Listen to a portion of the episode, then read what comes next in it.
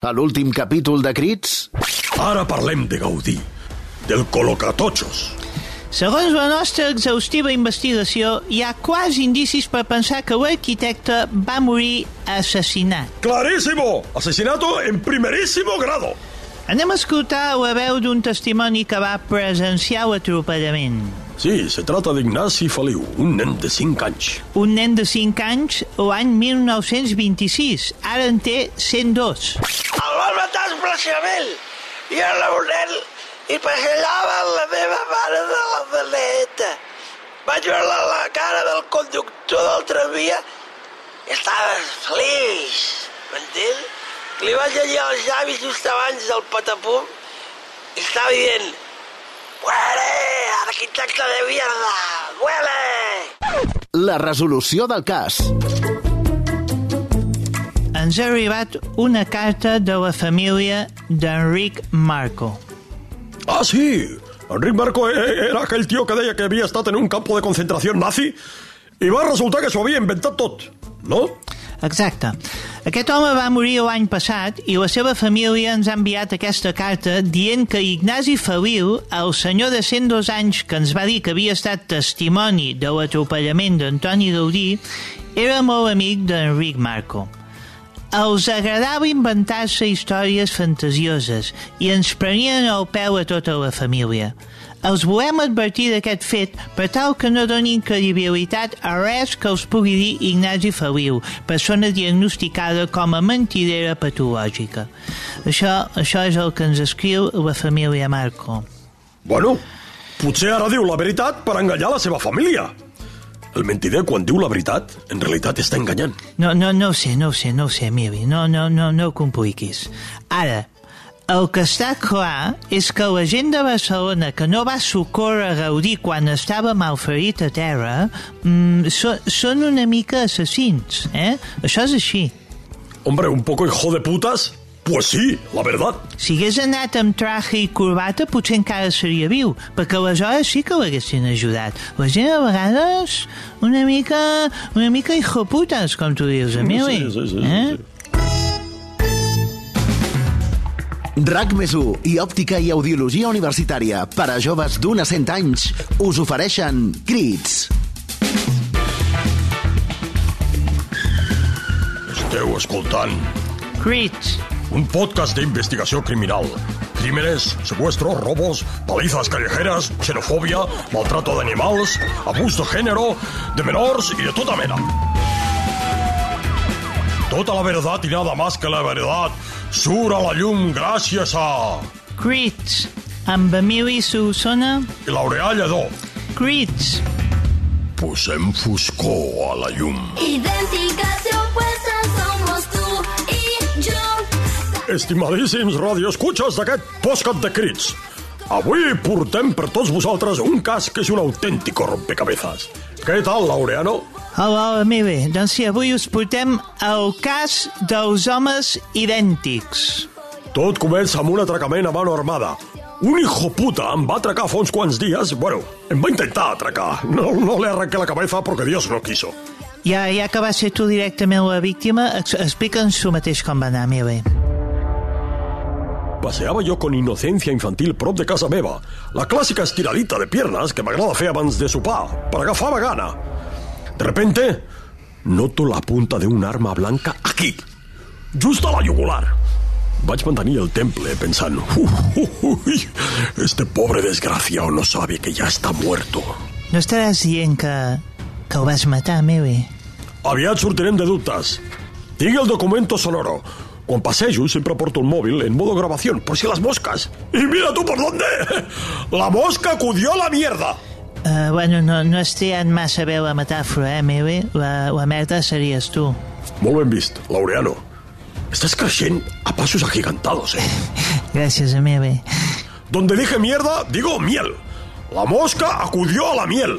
Endavant, audio cabrón atracando a la miel. Shh, quietecito, abuelo. Si no te mueves no te va a pasar nada. Baja el cuchillo, hijo. No sabes el jardín en el que te estás metiendo. Menos peliculita de Rambo Machote. Venga a la cartera. Te doy una oportunidad. Si bajas el cuchillo y te vas por donde has venido, mañana volverás a ver la salida del sol. Mira, abuelo, se me está acabando la paciencia. ¿Me da la cartera o prefiere que le raje el cuello? Está bien, está bien. La tengo en el bolsillo interior de la chaqueta. Voy a tener que maniobrar un poco. Rápido, venga. A ver, carterita. ¡Suja! ¡No! ¡Tú lo has querido! ¡Mamón! ¡Huye, sabandija! ¡Huye! ¡Ja! Reconoceria tu cara entre la de un millón de ratas como tú. Ja ho han sentit. El pobre desgraciado tuvo que huir por piernas. Quina por, eh, Mili? No, no, sé, no sé com vas tenir aquesta sang freda. Eh, Pues això no, no és res. Jo he estat tres vegades davant d'un pelotón de fusilamiento. Eso sí que acojona. Tres vegades? I no, I no et van tocar? Després t'ho explico, xaval. La qüestió és que l'atracador aquest es va poder escapar. Bueno, el vaig deixar escapar, perquè estava tan emprenyat que l'hauria pelat. No m'hauria pogut limitar a immobilitzar-lo. Immobilitzar? أجد موبيلجا؟ FSTV Wonder Manilles i ja te tengo. Les manilles que et permeten immobilitzar la teva parella sexual per poder gaudir d'una bona sessió de bondage. Uh, ja em pensé, gadet, león, que eres un león. Calla la boca, moreno. Ahora vas a ver lo que es bueno, somamón. Oh, sí, sí. ¿Sí? Pues ahora no. Aquí mando yo. Oh, oh, oh. ¿Ya está? ¿Ya has acabado? Ay, vaya, vaya mierda de aguante. Manilles i ja te tengo. Lliga el teu poder i a volar sense límits. ¿Me, ¿Me puedes desatar, por favor? ¿Desatarte? Y una mierda como un piano. No me has dado por hacer tú a mí. Te jodes, como dijo Herodes. Bueno, reprenem el cas de l'atracador. Exacte, perquè, perquè el vas deixar escapar, però te'l vas tornar a trobar un altre dia, no és així? Pues sí. Al día siguiente, tornant cap a casa després de fer el vermut amb tu, el vaig veure fumándose un cigarrillo tan tranquilo, assegut en un banc. I què va passar, Emili? Jo, jo ja ho sé, però, però, bueno, però creu que t'intinguis per donar un interès narratiu a la història. Molt, molt bé, chaval, molt bé, molt bé. Estás creciendo mucho, Laureano, como, como, como locutor. Gràcies, gràcies, Emili. Anem a escoltar la gravació de la trobada con el hijo puta feta amb el meu Sean Wea Plus G5, la nova perla del mercat high-tech oriental. Dentro audio segundo encuentro mismo, hijo puta. ¡Eh, tú! Ah, hola, hola, señor. Ayer te dejé escapar porque a sangre caliente te hubiera matado, pero hoy no te escapas. Venga, vamos a comisaría y los contamos juntitos lo que pasó ayer. Pero, pero, ¿qué hace? No, no, no me toque. Estoy aquí fumando. No conozco de nada a ¿No usted. me conoces de nada? ¿Te refresco la memoria, chaval? Ayer me pusiste un cuchillo en el cuello. ¿Qué dice? ¿Qué dice cuchillo? Yo no tengo cuchillo. Yo solo tengo tabaco. Eh, no te hagas pasar por extranjero, oso mamón. Ayer hablabas con acento de Toledo. Su- Suélteme el brazo. ¡Scarro! ¡Este señor me hace daño! ¡Está loco! Shh, ¡Cállate, mamonazo! Aquí me conoce todo el mundo. Hola.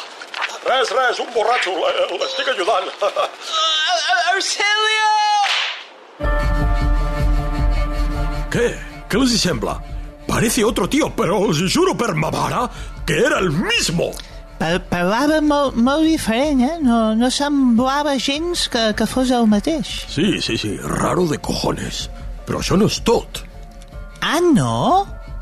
Jo, jo ja, ho- ja ho sé, però segueixo fent veure que no sé res, Ja, perquè, ja. perquè ho interessa la narració vagi increscendo. Eh? Està molt bé, ho, ho, ho estàs clavant.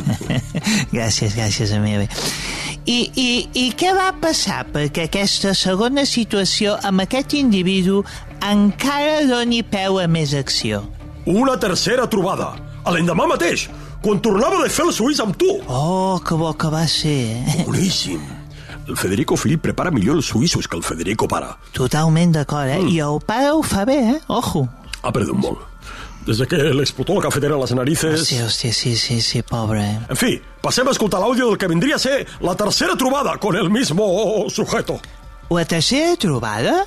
Jo, jo ja ho sé, però m'he fet el, el sorprès. Sí, sí, per l'interès narratiu i tal, però ara ja, ja l'estàs començant a carregar. Et repeteixes.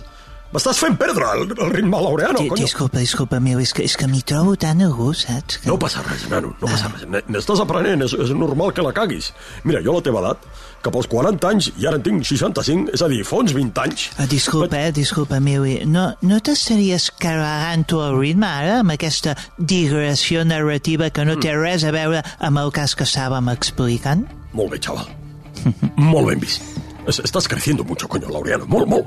Estoy súper orgulloso. T'ho dic de? Gràcies, gràcies, meu, eh?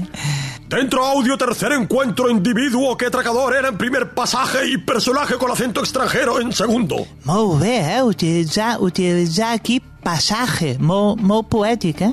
Bueno, hi ha, un- hi ha un criteri artístic, Laureano, sin duda. ¡Eh, tú! El destino nos une, cabroncete. Hoy sí que no te escapas. Va, vamos tirando pa comisaría. Uh, em pot parlar en català, si us plau? Estem, estem a Catalunya, eh? ¿De qué coño vas avui? Eh? T'ho diré en català. De què coño vas avui? Uh, disculpi, però és la primera vegada que el veig jo a vostè, eh? A veure, tu, tu ets actor. De què vas, tu? Soc filòleg, doctorat en Filologia Catalana per la Universitat de Barcelona. Em disculpa? Uh, tinc una mica de pressa. Ah! Uh, a veure, a veure, meu, eh? Estàs segur que era la mateixa persona? Potser té un físic bastant comú i et vas confondre. No, no, no, no té un físic comú, el cabron. És un tio baixet, amb cara co, co, com de nen. S'assembla al nano del Fermín, el petit. Ah, el, el Biel. Sempre, sempre el confons amb el gran, el Jaume. Va, no, no me toques los cojones, Laureano. Li faig, li faig de broma, hombre. Sí, sí, ja. Bé, de, de broma.